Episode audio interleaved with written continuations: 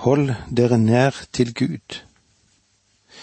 Det som Jakob ønsker, er at den bitre misunnelse og selvhevdelsen som vi har vært vitne til òg i det tidligere kapittelet, i vers 14 i kapittel 3. Men bærer dere på bitter misunnelse og selvhevdelse i hjertet, da har dere ikke noe å rose dere av. Lyv ikke mot sannheten. Han sier at den ufreden, det skyldes noe spesielt, lystne. Hvis vi var villige til å be mer, og kanskje bedre, skulle denne ilden kanskje snart dø ut. I vers fem leser vi, eller tror dere det er tomme ord når Skriften sier, med hellig, hellig iver krever Gud den ånd han har latt bo i oss, men større er det nåde han gir. Gud har altså lagt ned sin ånd i oss, og han vil ha kontroll over hjertene våre. Det er ved ham vi seirer over de urene begjær som måtte finne i oss, og det er i ham vi lærer å be. Gud, han vil eie oss helt. Hans kjærlighet, den er umettelig, og trangen etter alle rom og skap i vårt indre liv, og han eh, vil stadig gi oss mer nåde når han får komme til. Og det vi må ha for oss, det er at det må oppfylle fire betingelser hvis Gud skal ha fullt herredømme over oss. Det første er at vi må underlegge oss Guds vilje. Vi må holde oss nær til Gud. Vi må rense våre hender og hjerte. Vi må ydmyke oss for ham. Dersom vi oppfyller disse betingelsene, vil Gud fylle sjelen vår. Og eh, da er det godt å vite at Han er oss nær. Men større er den nåde Han gir. Derfor heter det Gud står de stolte imot, men de ydmyke gir Han nåde. Noen kan kanskje tvile på denne overflod av nåde. Får jeg lov til å si at ingen medisin i verden kan helbrede den syke hvis han ikke tar medisin. På samme måte har Gud nåde. Grip tak i den. Det er det du trenger. Det er mulig for mennesker å dø av tørst selv om man ligger ved siden av en vannkilde. Vedkommende må drikke av den. En må gjøre seg nytte av den kilde før den kan gi frelse i livene til oss alle sammen. Du kan vel ikke anklage såpe og vann for at det finnes så mange møkkete mennesker i verden, kan du det? Her er massevis av såpe og vann, om det bare blir brukt. Gud står de stolte imot, men de ydmyke gir han nåde.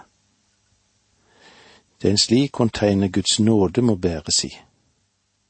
Det må bæres i et ydmykt menneske vers syv, kapittel fire. Bøy dere da for Gud, men står djevelen imot, så skal han flykte fra dere. Når du eller jeg går til en lege for å få medisinsk hjelp, så underordner vi oss til denne legen. Når jeg går dit for eksempel til regelmessig kontroll, så får jeg en resept med flere preparater. Den fyren jeg besøker kan jo forsøke å forgifte meg, men jeg har tro på ham, og jeg tar det han foreskriver til meg, og jeg benytter meg av det. Jeg har fått hjelp fordi jeg har underordnet meg min lege. Bøy dere da for Gud. Står djevelen imot, så skal han flykte fra dere. Vi kan vel stille oss spørsmålet hvordan vi skal kunne stå imot djevelen. Og her får vi se at Jakob han er meget praktisk. Han har nettopp sagt at vi trenger litt mer nåde. Han gir den ydmyke nåde. Med andre ord, du vil ikke være i stand til å stå deg mot djevelen i din egen kraft. Du og jeg, vi er omgitt av ond innflytelse. Fristelser som vi har sett, finnes overalt. Gud gir den nåde som trengs, og hans forrådskammer, det tar aldri slutt. Dette er ditt, sier Gud. Du må ta av det som settes frem for deg. Grip det. Vers åtte. Holde dere nær til Gud, så skal Han holde seg nær til dere. Gjør hendene rene, dere syndere, rens hjertene, dere som har et delt sinn. Gud kommer til din hjertedør, men lenger kommer han ikke. Han banker, og det er du som har lukket han inn. Og det er den eneste måten han går inn til deg på. Det fortelles en gang at Martin Luther, han kastet et blekkhus etter djevelen. Han kan kanskje si at det var rene galskapen å gjøre slik, men det er det ikke om du forsøker å stå djevelen imot. Jakob sier til oss at måten å stå ham imot på er å holde seg nær til Gud. Djevelen vil flykte fra deg fordi han ikke liker Gud, og han kan ikke være i hans selskap. Djevelen vil aldri få tak på deg skikkelig, ja, hvis du da ikke kommer for langt bort fra Gud. En ulv angriper aldri en sau så lenge denne sauen holder seg sammen med resten av saueflokken og med hyrden. Og jo tettere fåret holder seg til hyrden, jo tryggere er det.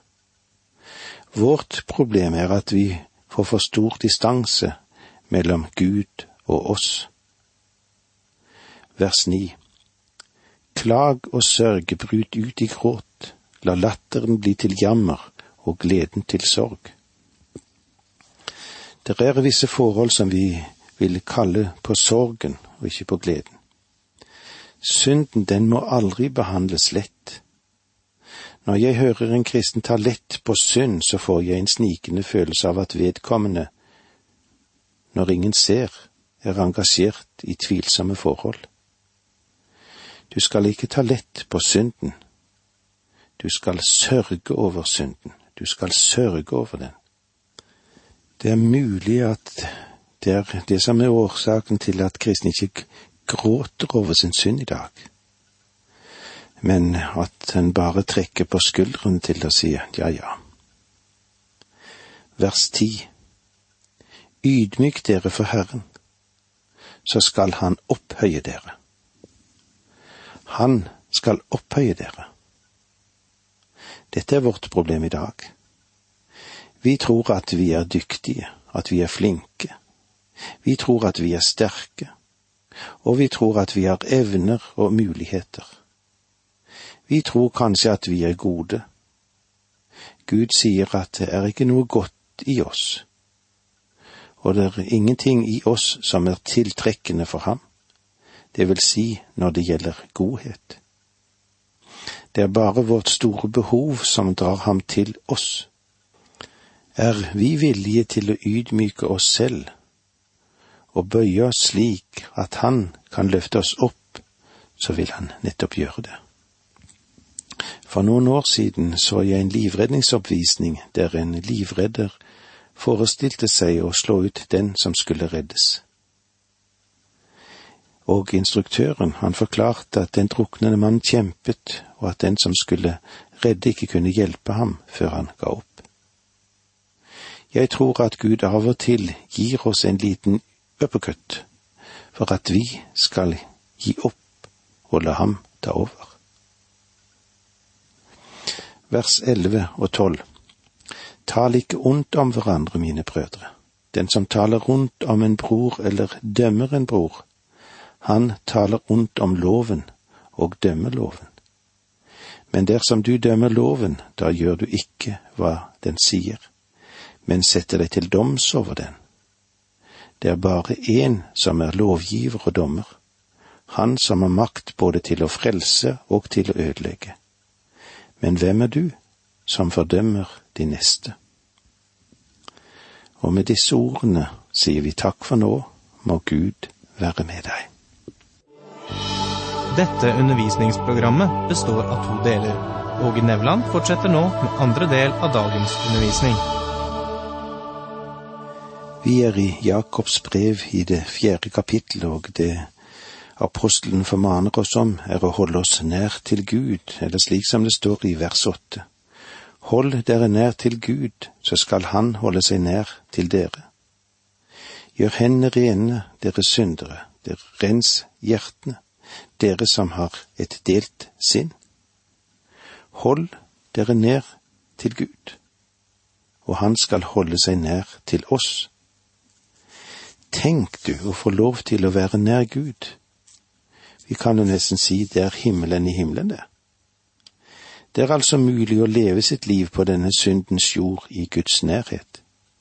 Ja, det er ikke bare mulig. Det Jakob forteller oss jordet her, viser at Gud på sin side kommer oss i møte på en måte som vår stand ikke kan fatte dette, så stiger denne hellige, kjærlige Gud ned til oss alle sammen. Han stiger ned til deg, og han stiger ned til meg. Han går inn i hjemmene våre. Han kommer inn der vi er til daglig, i vår arbeidssituasjon, i vårt hjerte. Han vil ikke bare være vår gjest, nei, hvor deilig det er. Han har lovet å bo hos oss. Hold dere nær til Gud, så skal Han holde seg nær til oss. Er det ikke ubegripelig stort, dette? Så er Han så nær her for å kalle oss inn til seg, og du og du hvor meget vi kan ta til oss av denne nåde og lykke, dersom vi ikke har mistet forholdet til ham, eller at vi er kommet på avstand. En kan undre seg mange ganger over at ikke alle mennesker vil leve i Guds nærhet. Men også her møter vi det uforståelige i synden, og det er det som er så fryktelig at Satan han driver sitt spill. Og skulle det være slik at Satan holder på akkurat rundt deg nå, så er det en åpen vei til Gud. Fortell ham alt slik som du har det nå. Han vil lytte til deg, han liker å høre på deg og så forteller han deg at synden er sonet og gjelden den er betalt. Og han vil òg fortelle deg at han elsker deg og ønsker å ha deg i sin nærhet. Der vil du dag etter dag få oppleve den herlighet som Jesus har gitt oss. Bønnen blir barnets enfoldige og inderlige tale, og Bibelen kommer som svar ifra far. På en underlig måte så knyttes Den hellige ånd, samfunnsbåndet, mellom oss alle sammen, mellom far og barn. Hold dere nær til Gud, så skal Han holde seg nær til dere. Gjør hendene rene, dere syndere. Rens hjertene, dere som har et delt sinn. Vers ni. Klag og sørg, bryt ut i gråt, la latteren bli til jammer og gleden til sorg. Vers ti, ydmyk dere for Herren, så skal Han opphøye dere. Vers elleve og tolv, tal ikke ondt om hverandre, mine brødre. Den som taler ondt om en bror eller dømmer en bror, han taler ondt om loven og dømmer loven. Men dersom du dømmer loven, da gjør du ikke hva den sier, men setter deg til doms over den. Det er bare én som er lovgiver og dommer, han som har makt både til å frelse og til å ødelegge. Men hvem er du som dømmer din neste? Om du dømmer din bror, så er du ulydig mot loven fordi du da setter deg over loven og behandler ham med overlegenhet. Med andre ord, hvem tror du at du er? Når du begynner å tale slik, stiller du deg i Guds sted. Det er to typer mennesker som prøver å ta Guds posisjon. Den ene er den synderen som sier, Jeg er god nok til å bli frelst. Herre, jeg trenger ikke din frelse. Om du bare flytter deg til siden, så skal jeg sette meg ved siden av deg. Jeg er min egen frelser men Gud sier i sitt ord at han er den eneste frelser. Og så er det en annen type som setter seg til doms over alle andre. Han dømmer ikke seg selv, men dømmer alle andre. Jakob, han sier at dommen er Guds sak. Og Jesus sa det slik i Johannes 5, 22. Faderen dømmer ikke mennesket. Han har overlatt dommen til Sønnen. Det finnes kristne som egentlig sier til Jesus, Hvis du vil, så skal jeg hjelpe deg. Jeg skal opprette en høyeste rett, og jeg skal være en av dommerne. Det finnes kanskje noen troende, troende som inntar denne posisjonen i dag. Tenk hvilken høyeste rett menighetene kunne hjelpe Jesus med. Jakob sier at vi skal dømme oss selv, og så komme til Mesteren i ydmykhet. Vers 13 Og nå, dere som sier, i dag eller i morgen drar vi til den eller den byen og blir der et år, driver handel og tjener penger. Her er noe annet kristne liker å gjøre. Vi liker å skape store planer for fremtiden. Det har tatt meg lang tid i livet å lære å leve i korte intervaller. Det er ikke sikkert at jeg har lært dette fullt og helt enda. Men når vi ser at eh, vi kommer opp i høyere og høyere alder, så er det kanskje mer og mer slik at vi får takke for dagen som vi har fått i dag. Og eh, det er lettere å kunne si med Bibelens ord, da, alle mine kilder er i deg. Vers 14 Og så vet dere ikke hvordan livet deres blir i morgen. Dere er jo bare en røk som er synlig en kort stund, og så blir borte. Jakob sier at vi vet ikke hva morgendagen kan inneholde, for hva er livet? Han sier at det er bare som en røk eller som en tåke som raskt forsvinner. Den ikke bare forsvinner, men den er også ugjennomtrengelig og hindrer den sikt som jeg gjerne ville ha. Livet er som en tåke i fjellet, usikker, ugjennomtrengelig og temporær. Menneskelivet skilt fra Gud og uten Gud er den største katastrofe i Guds univers. Alt annet tjener en lang og nyttig hensikt. Solen på himmelen er vår er energikilde nummer én. Men vi bruker ennå svært lite av den. Månen har òg en oppgave. Her finnes hvile og rytme og hensikt. Menneskelivet atskilt fra Gud er som en klokke som har mistet pendelen, usammenhengende, uten en naturlig rytme. Og det er et bomskudd. Og en av grunnene til at det er bomskudd, er at livet er så kort. Vi har jo fått tildelt noen få tiår, og får vi flere, så er det fullt av smerte og savn ofte. Du verden så kort menneskelivet er. I vers 15 leser vi, Dere skulle heller si, Om Herren vil, så får vi leve og kan gjøre dette eller hint. Våre liv er i Guds hånd. Vers 16 Men dere skryter og bruker store ord. Alt slikt skryt er av det onde. Mennesket kan ikke skryte, for det har egentlig ikke noe å skryte av. Skryter de så, ja, da er det synd. Vers 17 Den som vet hva godt han burde gjøre, men ikke gjør det, han synder. Det er nok mange mennesker i dag, som det var i tidlige tider, som syndet uten å vite om det. Om du vet å gjøre godt i visse tilfeller, og du vet at du skulle gjøre noe for å hjelpe i en bestemt sammenheng, og du ikke gjør det, da er det synd. Vårt liv, det er så kort. Vi burde ikke bruke tiden vår til strid og misunnelse og sjalusi. Det ødelegger livet, det. Vi trenger å komme til Kristus, legge vårt liv fremfor ham og virkelig begynne å leve. Han har sagt, Jeg er kommet for at dere skal ha liv og ha overflod. Og han ønsker å gi deg et liv som virkelig kan betegnes som liv. Lever du livet i hele sin dybde og bredde i dag?